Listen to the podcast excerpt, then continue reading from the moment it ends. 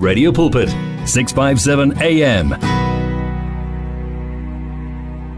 akanawo vela kudala aphela amandla akhe uyabona ukuthiwa umuntu uyafoster kukhulunywa ngalo umqambi manga okusathani ngoba always uzoza ngamaqhinga uyazi uzofoster and then uma ethola nje ukuthi kunembobo angangena kuyona and iyaqala manje ke lapho inkinga esho la upastor Mthunzi number uthi lisathane remohlutsi matla hasaleyo sisi winans naye wasibusisa ethi purified bravo rhythmic voices bethi somandla ihambe njalo ke i3 songs in a row isikhathi 17 after 3 isigaba ke sesibili lesi sijula ezwini sizoqhubeka njalo until 5 o'clock njoba ngishilo eh phambilini ukuthi ngizobe nginomfundisi Nke Sirobe um she's also an author kodwa uzositshela kabanzi nje ngayi ukuthi uma sikhuluma ngomfundisi Nke Sirobe sikhuluma ngobani um Muruti dumela Kathi yanguthu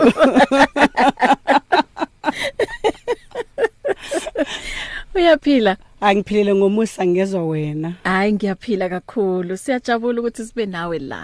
hey guys it's been a long long long mm. I I miss this place and and I can feel the presence nje somerklang yeah yeah yeah yeah I can feel the presence of the Lord no man I'm I'm so excited to be in the house today uh, allow me to greet uh, radio pulpit listeners uh, my name is Pastor Nkesobe of course I am an author of a book called Absence of the Father ukuthi sisibahle namhlanje ukuthi uniphatheleni sengizozwa ngayi hayi thina sizozwa ngawe mina ngizolandela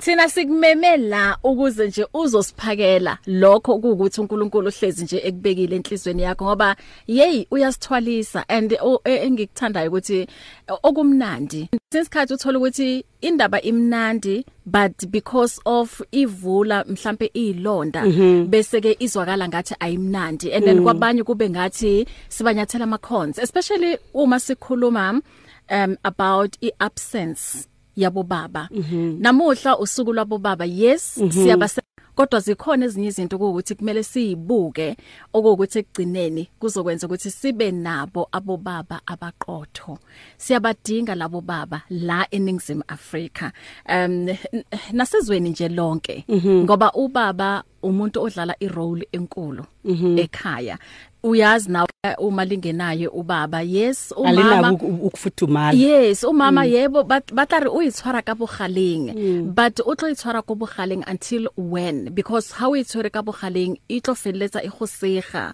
and uzogcina nje unama scars and mm. lawo mascars uthola ukuthi amanye awaphola bona so that is why namuhla sithi asikhulumeni um angazi ukuthi ngibize i pandemic lento um isifo kwamampela yebo so sizokhuluma ke um indaba yethu sibhekise kuyona lencwadi ngiyacabanga ukuthi lencwadi uyibhale your own personal experience, experience. Mm-hmm. yes mm. Yeah, um isikhathi ke sithi 20 after 3 o'clock nawe ke uzolthola ithuba lokuthi uxoxisane naye o mhlambe unemibuzo nje ongathanda ukuthi um umbuze yona. Um Pastor Nkem um you are an author si awusibekele nje isithombe sakho ukuthi uma sikhuluma eh, ngo um, Pastor Nkesi eh, sirobe sikhuluma ngobani Okay um I normally say to people before I became an author I was called to be a minister of the gospel yeah so ukubhala incwadi kungithole endleleni ukuthi bengiveliwe yeah yabo mm. so uh, angaze ngicabange or ngizibone kuumuntu ozobhala mm -hmm. um but i came to realize ukuthi ngenxa ezinto ezidlula kuzo mm -hmm. sigcina sesifuna ukuthi andazi sometimes siyawathola vele ama opportunity ukuthi sibe khona kuma radio pulpit sishumayele mabandleni kwaba nesifiso kimi ukuthi ngathi ezinye izinto mani singazibhala phansi ukuze sikhona ukufinyelela abantu abaningi because um if i'm not on radio pulpit which is a mass radio station whereby a whole thousand of listeners can be able to to to hear me eh abanye kubona bakhona ukuthi bangakhona ukuthi bangifinyelele kanjani ikho ngigcine sengizibona ngibhale incwadi ekuthiwa absence of the father ekhuluma about my personal walk and my personal journey And of course, I am a founder of a foundation called Absence of the Father Foundation, mm. which is birthed through the book itself. Mm -hmm. Let me start by saying happy Father's Day to all the fathers out there. Yazi eh sisibahle ne abantu mm. abaningi bacabanga ukuthi uma ukhuluma ngoabsence of the father usuku uxega obaba. Yeah. mina ngibizelwanga ukuxega obaba yeah. angibizelwanga ukuzobanyathela amakhonsi yeah. yabona mm -hmm. mina lokho enyukubize enyukubizelo ukuthi i want to believe ukuthi out there there are a whole yeah who are responsible fathers yeah. you know who are who who do all that we can call good and this is he's playing a role Mm. of being a father yeah. emdenini wakhe enganeni zakhe mm -hmm. and i'm not going to say today we only celebrating those kind of fathers i want to just celebrate all the fathers whether you are present or absent or whether you are a detached father i mm. just want to celebrate fathers and say siyabonga kakhulu ngomsebenzi oniwenzileyo because had it not been for the seed that they had planted i want to believe i wouldn't have been here today true Yeah. So I want to acknowledge the fact ukuthi ene bayenza umsebenzi omkhulu they plant kho izwi lithi ene obaba oh, bayinhloko angithi so what I'm looking at ukuthi the head it carries a whole lot of functions ekhanda kunamehlo Mm-hmm. kunomlomo mm-hmm. kunamadlebe uya mm. understand so you can you can you, you you can you can ask yourself what can i really function well if my eye or if i lose my eyesight no you can't mm. can you function well if your your sense of smell is no longer there of course you can't mm. but this is what god has given to fathers the being them being the head so us as women we just the neck yeah you know and as a neck obviously the head cannot be able to out the neck mm -hmm. yabona because the neck has to make sure ukuthi intamo yabona yes. the head has to make sure uh, when you combine it nentamo ukuthi ikhanda liyajika ikhanda ngeke likwazi ukujika ngaphandle ngani kwentamo kwentamo which aha. is as the woman so in other words what i'm saying ukuthi ene as women need to support these men mhm uyabona we also need to support these fathers because i came to realize ukuthi baningi obaba ngaphandle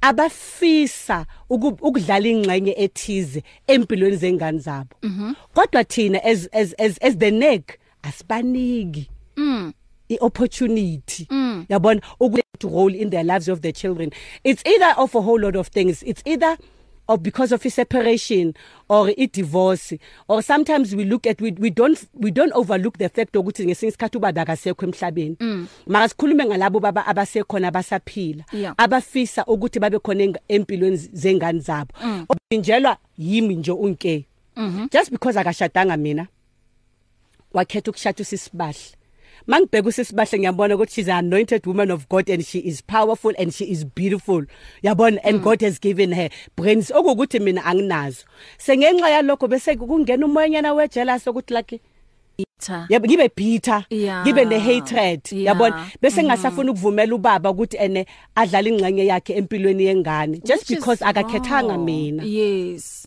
which is wrong and yebo ngezinye zezinto esizibonayo lezo uthola ukuthi abomama uh, because of uhethekile uh, uh, uh, because of a relationship or a marriage azange ihambe kahle mm. manje sekayenzani usebenzisa izingane ingane to ehem. punish mhm mm ubaba ubaba ukuthi akenzanga mhlambe lokho akuthembisile sazi ukuthi ke baye bathembisanani but you know empilweni kumele samukele ukuthi yebo ezinye izinto sigcina khona yes kungenza ukuthi ningabantu nihlangane but mhm. that doesn't mean um ukuthi uma kuba nama problems and then enza ukuthi nihlukane kusho ukuthi manje kumele nezingane umhlukanise nomunye umzali ingane ziyohlala zona zazi ukuthi lo ubaba lo umama asenzeni kube kuhleli kuhleli nje kube kunjalo so i, i absence yabo baba ezimpilweni e, zengane kuyinto ebhlungu kakhulu em em em emfundisi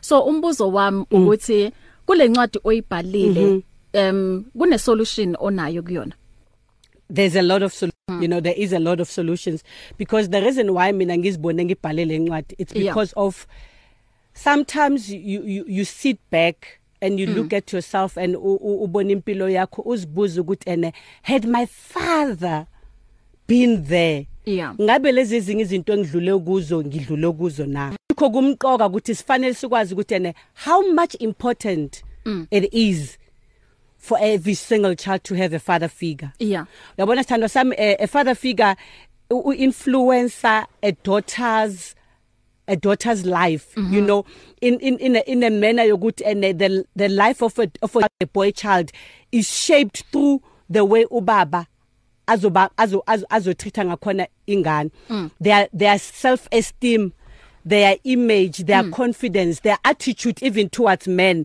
it is modeled by the father wow you understand yeah. so ubaba udlala irole emqolu empilweni yengane yentombazana mhm. and why am i saying that ukuthi ene if singacheka ukuthi ene ibehavior kababa ingane ziyababuka ubaba bazo mm. yabona mhm. ibehavior kababa eh ukuthi ene ubaba umuntu ohlala njalo esendlini njalo ohlala esekhaya njalo unakekela umndeni uphethe umndani umndeni wakhe kahle a girl child when they grow up they look for that type of a man mm. in their own man to say yazi mina ngifuna indoda efana nobaba ngoba ebone ubaba indlela aphethe ngayo umama ngakhona and if ever eyazi ukuthi ubaba ubaba ungekho abusive to go and look for a man okuthi uzoba abusive because bayazi ukuthi ubaba akakaze ngimbone ebeka isandla kuma angaze ngibone ubaba mhlambe ukuthi ebhema khona baba ababhemayo vele or mm. abaphuzayo mari ngenxa yokuthi bahlonipha ingane zabo uzobona ukuthi ene hatsubile ntatwateng ne ha tla kontlung o tlo tla a ja chepisinyana hore ngwana a sa utlwa monko o wa bona le ha nwele le ha ebe wa thekesela o tlo zama hore eh, wa itsekeng a iphute together hore ngwana a ska mmona hore ke ntate a gutlang kontlung a tagilwe so can you see how important a role of a father is in a girl and a boy's child mm -hmm. Sure.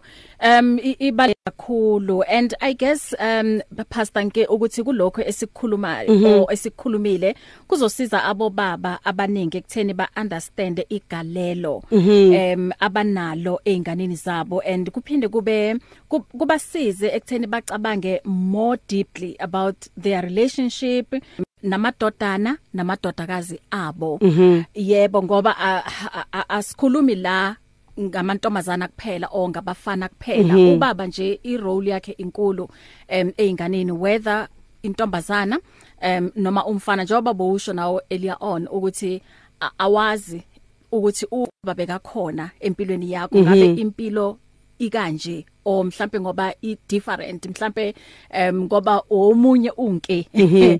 em kwamanje but uyabona ukuthi kunama gap uyabona mm -hmm. la okuwukuthi mhlawumbe ubaba bekumele awagcwalise so i role ka baba ibalulekile kakhulu nokwakha that relationship ibalulekile kakhulu and nokuthi ungobaba nje uthathe i responsibility yakho so um uh, talking about i role or um, talking about a good role model for ingane zakho uh, asibuke ke ukuthi as ungubaba how to be role model mhm mm yeah um mina this is what i am going to say ngiqala ukuthi uh, to speak about ama effects of having in a, a, a, like the effect and, and a negative impact of an absent father yeah because i want to believe ukuthi um this is where it's going to make me to get into my journey mm-hmm. yabona mm -hmm. so the effects and the negative impact of an absent father isikhathi esiningi wena sesibahlo uyathola ukuthi abantwana aba aba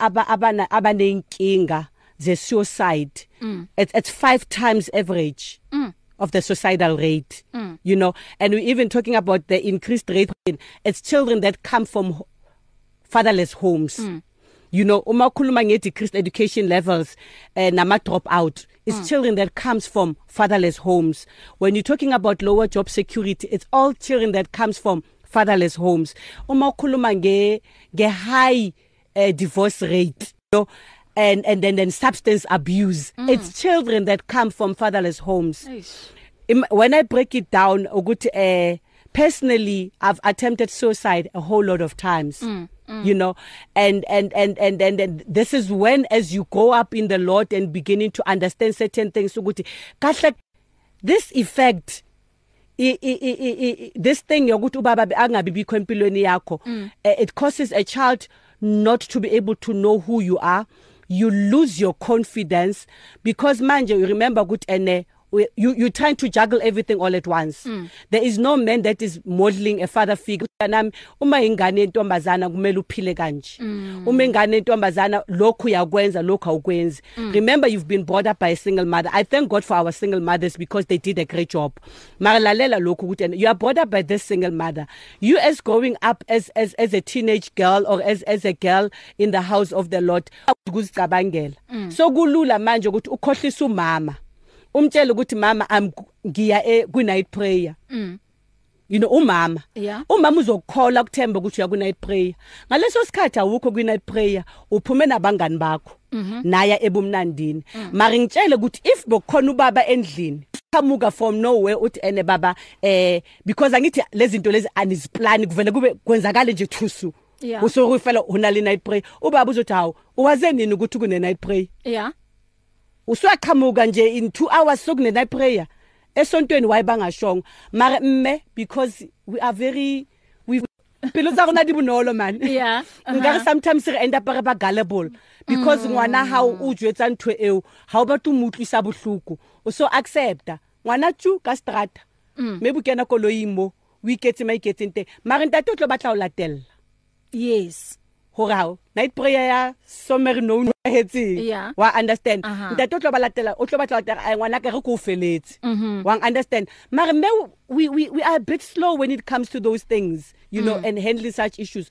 so you find yourself o phela a life ya promiscuity yeah you know being all over uh, mm. uh, moving from one relationship to the other mm. and you even struggle with with those relationships because azange wabona your mother mm. modeling being that mother a hlokometseng tate wa hao yeah. so ha o tsebe gore motho wa monna o tshwaruwa jwang mm eish wa bona ha o tsebe gore motho wa monna hantle ntle o tlamehile o motshware jwang gore when to raise your voice and when not, not to raise hore when do you say yes and when you you you, you say no mm, wa mm. bona mm. so when you want to live your life kang wa icontrola e because you are used to that space of yours ra kontlung ke kontlung re basadi re le babedi ke na le mm. mme wa ka mm. wa understand mara ha o no hona le motho wa ntate ka tlung the way dintho di etsahalang ka teng procedure teng mane e fapane ho feta mo ho senang tata jaanong ha se o o hodile mm. um is it late hore a ke tsebe maybe to learn from someone else or wena o o ithute hore okay i know hore ntate na staying and then hona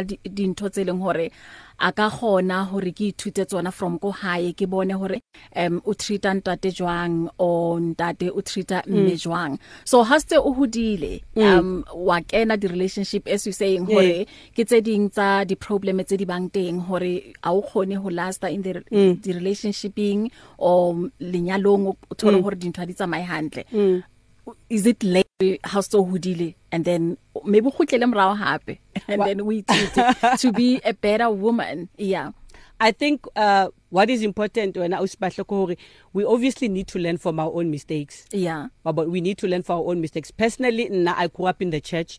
Yes, at some point in time I think I said qala re boma 24 when I was supposed to be still living right and living for the Lord. I lost my virginity at the age of 24. Mm. uh, being that child that grew up in the church ana sa tsebe lefatshe a sa tsebe monate a sa tsebe nix mm. so this is where my journey began and when i lost my virginity remember uh ona usipahlo when when when i, I lost it ke lekoko Mm.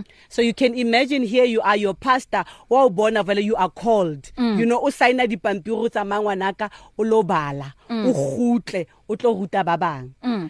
then here you are o se gutla ka mpa eish wang understand yeah. so that killed me na personally to say okay now second remember you you going up you are a, you are, a, you are a youth leader in the church babang bashebile bashebile yeah. when you are the same person that was talking to them about abstinence mm. you are the same person that was talking about chastity and purity ko so khutla kai ko bible school ka mm. mpa mm.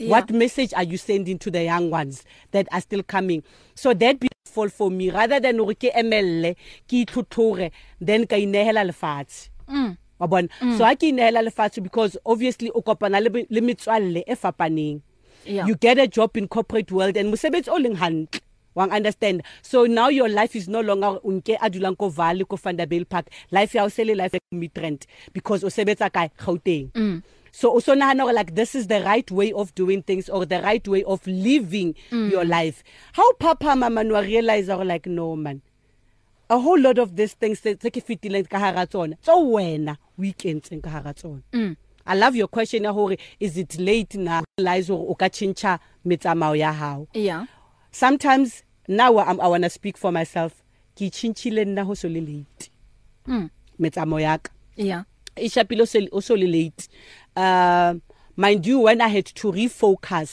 mm. uh, and when i had to refocus and tell myself oh, i'm going to live for the lord ke tlhotlhore ngwana o sa le teng mm-hmm. ngwana o sa hodile mm-hmm. ke ka nako e, ha o so ngole buka ya absence of the father santsane e le journey ya ka mm-hmm. ngwana o sa le teng ha ngwana a le teng o phela life ya hao gauteng chelete ya ha o e jala ba khotsi strateng go mm. o na lo lebala o sometimes le gona bomme we become absent mother it's a mm. topic for another day mm. o so lebetso ga baneneng modimo o hlonofaitse ka mosebetsi o na le family o tlamelong o ihlokomela e o so matha le batho strateng ha o re papa sometimes god called us in different ways and painful ways mm. because for me another way god called me back uh, to himself was through my daughter. My daughter had to be molested twice in a row at the age of 6. Sure. For me to wake up. Sure.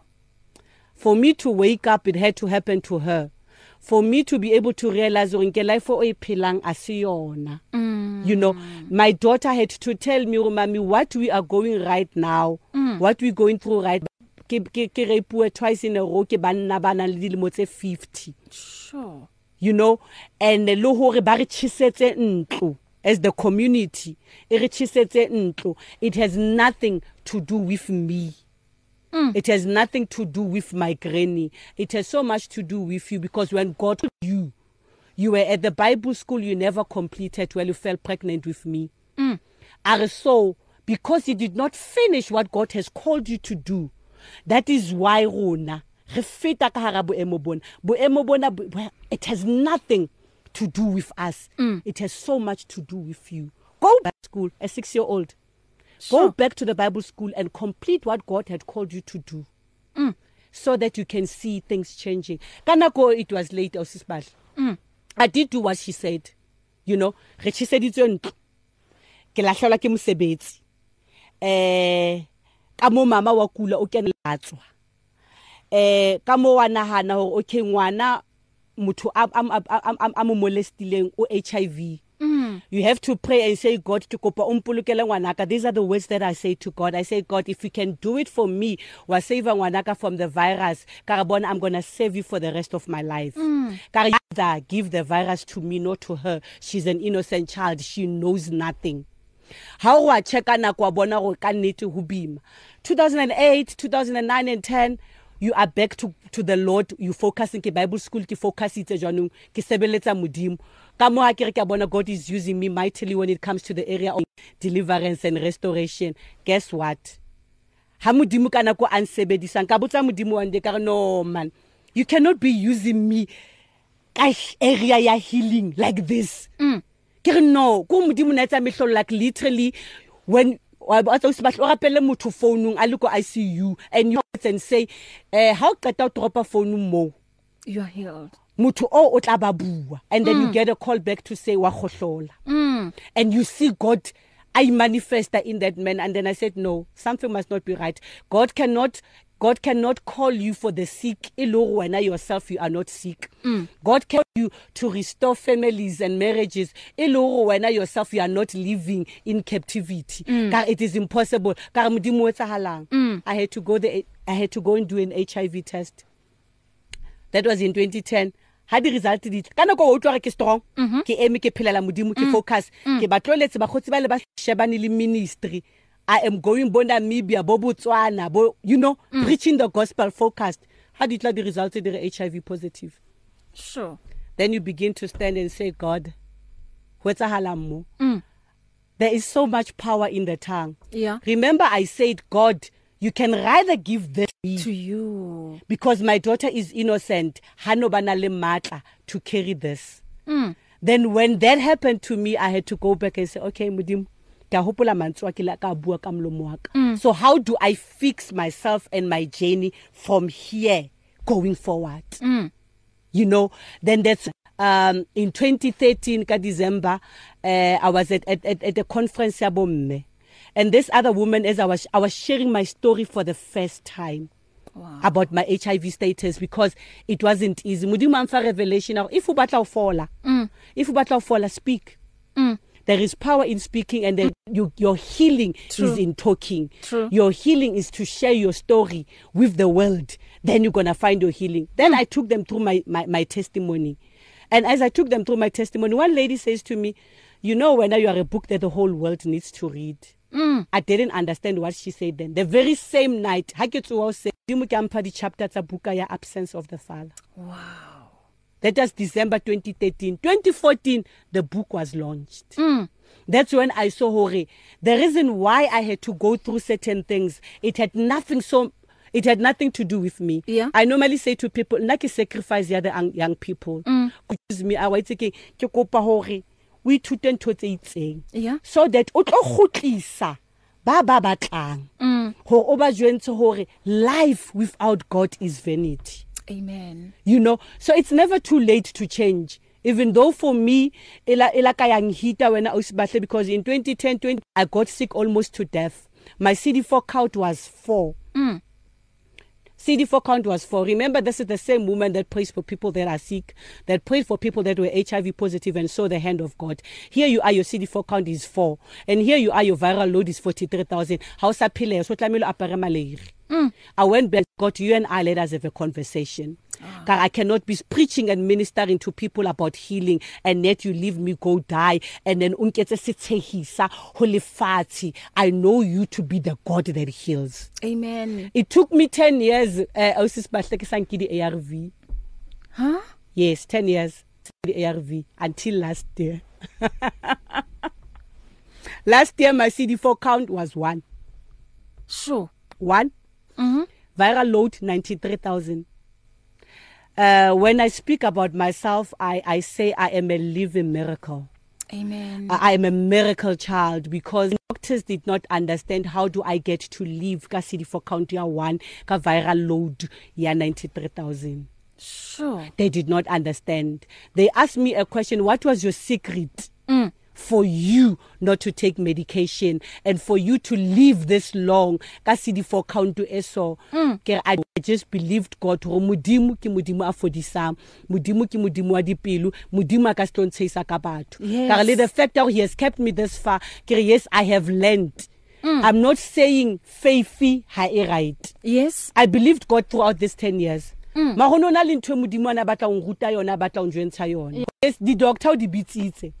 o di file mosebetsi ho re thusa mm. you know sometimes we get ignorant mm. ma hona le ntwe modimo ana e testa ana e prove ka bophelo baka yes now i'm back on on on ARVs Mm -hmm. you know and i would never advise anyone not to take medication yeah. because matlekitipa mm. sitting here today you know hatla be ke second second edition ya absence of the father ke add this four additional chapters hono se bonolo ne ke ishwa e sure ne ke ishwa e you know ke ke ke matla a modimo ke yes. letsoho la modimo because ba bangata ba bua hore yenka mm. um treatment and then ebe o itlohela e and then ha o re wa gutlela hape a ho bonolo it wasn't easy it, yeah. it, it was kicking out of my system yeah you know they they had to change medication i don't know how many times because unobonala it's like in a, I was fighting between life and death. Mm. My mother and my daughter were abona wa thinking now they giving up. Mm. But when it's not time, it's not time. Amen. Mercy said, said no. no.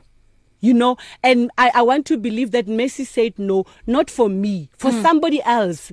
that would be going through the same situation ataba are nna ke dutse mo hae ke na le stress e a leng absent ke na le stress santate elong ha hlokomele bana ho bona modimo wa ho fitisa amen ka hara maemo amen Amen. Wa ufitisa ka hara maemo. Ausisi bahle it was not easy for me to bury my father last year ka December. Oh. The very same absent man. Sure. The same father that is absent. When he passed on when he died, I had to be the same person eba mubitsang ba come and identify setopo santato wa hao.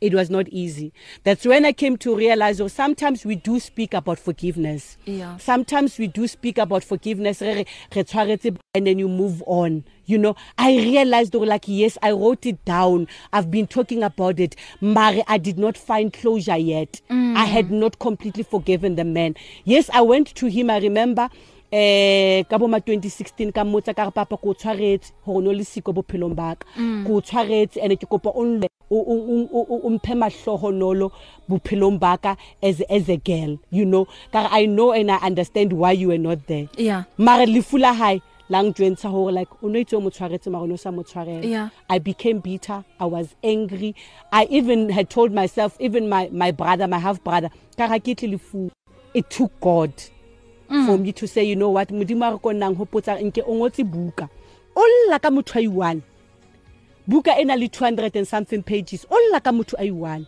now it is an opportunity for you Amen. to show that you are a woman of God the preacher that you are that you have forgiven this man and bury your father with decency oh Words of truth and value. You'll find it on 657 AM.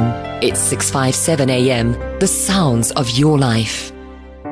It's difficult to face the overwhelming pressures of life alone. Sometimes we just need someone to talk to, someone to listen to us.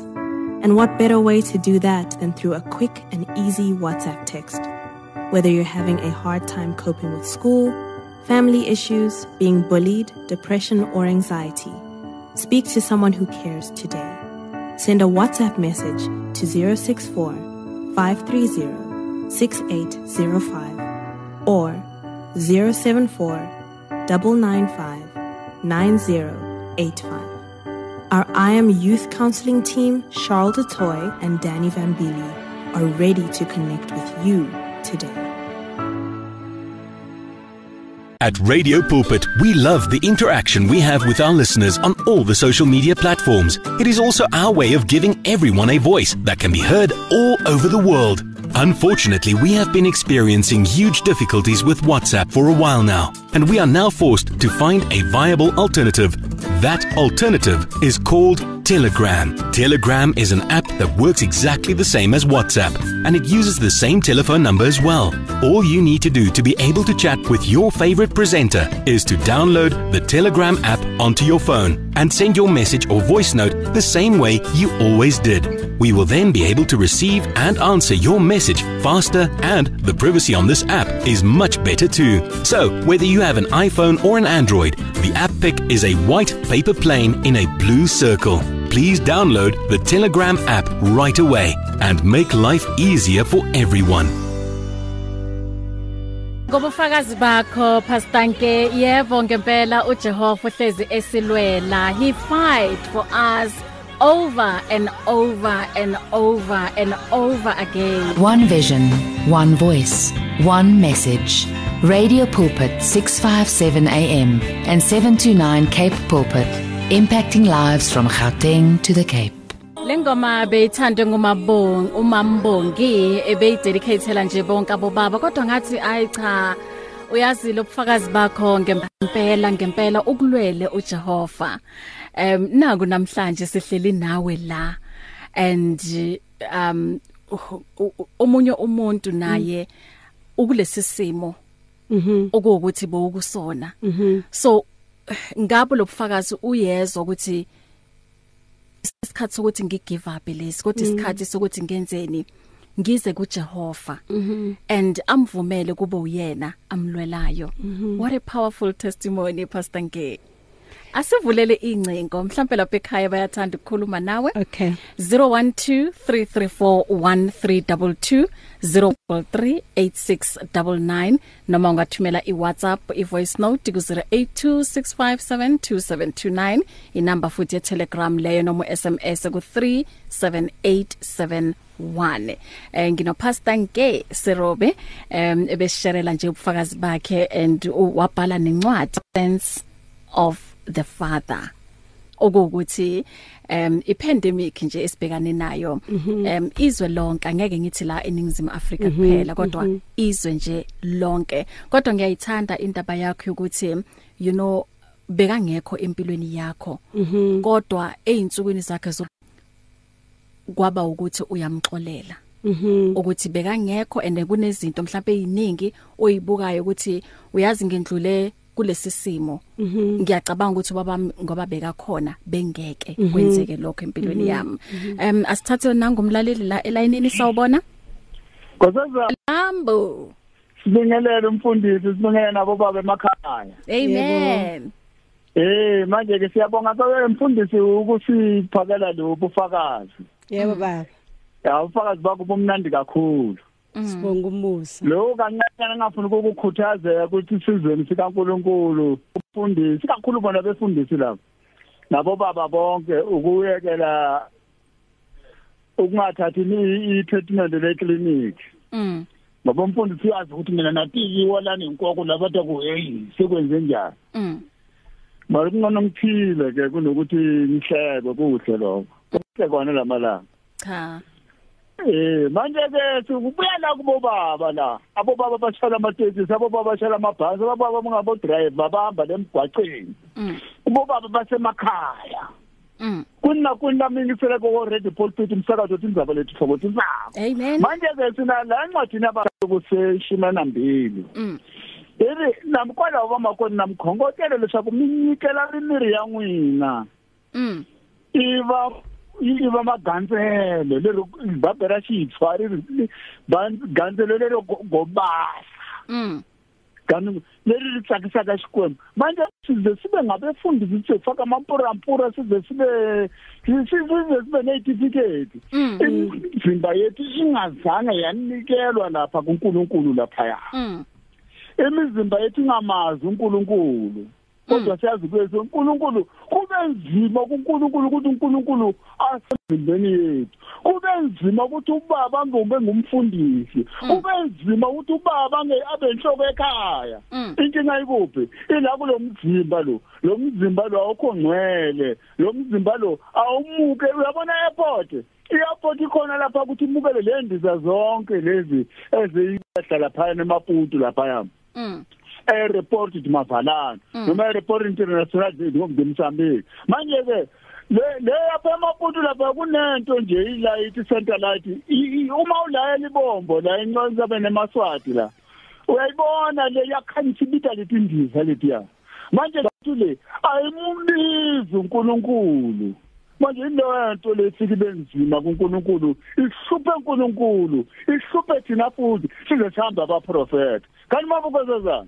kalimambo kalimambo siyabonga baba mm Okay, um 01233322 eh sina plus eh, plus minus 5 minutes mhm. ukuthi ke ngimdedele upastor Nkesi Robe mhlambe kukhona othanda ukukubuza noma kukhona othanda ukukuphawula khuluma naye 0123341322 0123338699 noma ungathumela WhatsApp noma Telegram ku 082657 2729 9 so uma ubuka impilo yakho kwamanje and then we qhathanisa naleya mpilo um um obuya kuyona mhm. ikakhulukazi ngaphambi kokuthi umazi uKristu njengisi um imuphi umehluko obubonayo um yabona into engizeyisho mina ukuthi like sometimes um um most of us uh, as young people we we grow up in the house of the Lord. Yeah. And with me as well, it was the same thing. I grew up in the house of the Lord. Mm. Point in time in my journey, one foot was in the house of the Lord and one foot was outside. Mm. Yabona. Mm. Kusho ukuthi manje bosuphila le umuntu besephila lempilo ile yengxube evange. Yabona. Mm-hmm. Kungekho khona okwemesaba okwemesaba uNkulunkulu. Mm. But now looking at myself now, I I sometimes look at the mirror and say thank God to come, mm. you know. Mm. and and and and restore me you yeah. know and and and and renew my life completely altogether because had I not even said yes to the call of God I mm. think mhlambe nami ngabe ngafa you mm. know because there are a whole lot of people that I know that abangasaphili yeah. you know opportunity to, to make their lives better mari ngenxa ukuthi mina ngawubona umusa ngasebenzisa opportunity ukuthi ene indlela zami angizilungise yeah. you know it's very important to have a relationship with God mm. because when you have a relationship with God you're not going to be tracked left and right and center mm. you know going to different uh, pastors or wanting God you know good and the church lives inside of you Amen. Christ lives inside of you yeah. so for me I can say it's the grace of God that I'm alive it's the grace of God that I am where I am right now uh woman of God um I mean um I can say it's the grace of God yeah. you know because looking at the used to way now and how I look right now woo, ke na le ikotla matso ke ra modimo mano moholo man ke ra Jehova wa tshepahala man you know because sometimes people they will look at you some they don't know what you are going through about hey yeah why would ile so mm. you know mm. you don't know what i am going through mm. you know you don't know my stuff but i thank god rona with me people's talks they never mattered yeah I always fixed my eyes on the Lord and I will always say mudim I am what you say that I am Amen. I don't care what other people think of me but I am fearfully and wonderfully made Hallelujah. by God. Amen. You know, mm, irrespective yes. of ukuthi and opinion bahle yeah. ah, to me doesn't matter. Yeah. Only God's opinion Amen. matters. Hallelujah. Um omunye uthi eh, afternoon sister Bahle and pastor uthi yo what a powerful um message or testimony uthi thank you so much. Um pastor Nke Um, mhlambe ithi sibuyele endabeni yokuba HIV positive kusese khona abantu ukuthi bayasaba ukuphumela obala mhm. or ukukhuluma ngoba e, e, besaba lesi stigma mm. yes ungathini ku wonke nje umuntu um men i want to say this shortly briefly first to the to, to the men because uh what i came to realize ukuthi uh men even though a woman can disclose about their status mm. they cannot be bothered mm. Um, there are a couple of people that I have been personally counseling, and I want to say this to the fathers and to the men out there: would please take care of your families. Mm-hmm. You know, because even men today, women can tell them about their status, they still don't want to use protection sisbahle. Sure. And ngizisibhlungu because and these are the fathers and the men that have got families. Mm. Yabona. Mm. So ukuthi ene why don't you want to protect your woman if ke ukuthi uyazitshontsha ke uyahluleka isikedi why can't you protect umuntu wabantale ekhaya ozigcinileyo you know because people today they don't want to speak about their status mm. they don't want to disclose mm. because some people bana lenkinga ukuthi and uma ngingasho status sami bazongishiya yeah. mina always say ukuthi owami oh, uNkulunkulu uyamazi mm. whether whether uyasazi status sami could i I, I am not istatus yes i am not defined by istatus sami because you may find some people ukuthi and abakho positive but they are not healthy mm. they are not will, eating well they are not living well mm. so i am not confined by issue yes status but to somebody who is going through the same thing as as you closing you know somebody who's going through the same thing mina i would like to say to you it is very important umuhlangana nomuntu wesilisa or wena uhlangana nomuntu wesifazane put your story on the table mm-hmm. ukuthi umuntu uyayithatha or akayithathi uyakuaccept or akaccept it is okay owakho uNkulunkulu umbe and it's minus a problem ba re sesotho sengkhana sengrola morwalo yeah you know mm-hmm. so mm-hmm. don't be ashamed of your status put it from the beginning ukuthi umuntu akwazi kwena ukuzidecidela ukuthi do i want to go with you and you must remember ukuthi you are not your status yeah. because beyond that there is this bubbly inke is this great woman mm. you know the beyond this there is this mother you know beyond that there is this woman who can be able to provide for the family so mhm uyangithola ma yes amen what a powerful testimony isikhathi sona nje okuwukuthi hey singihlukanisa nawe uthi sidliwe izinja yebo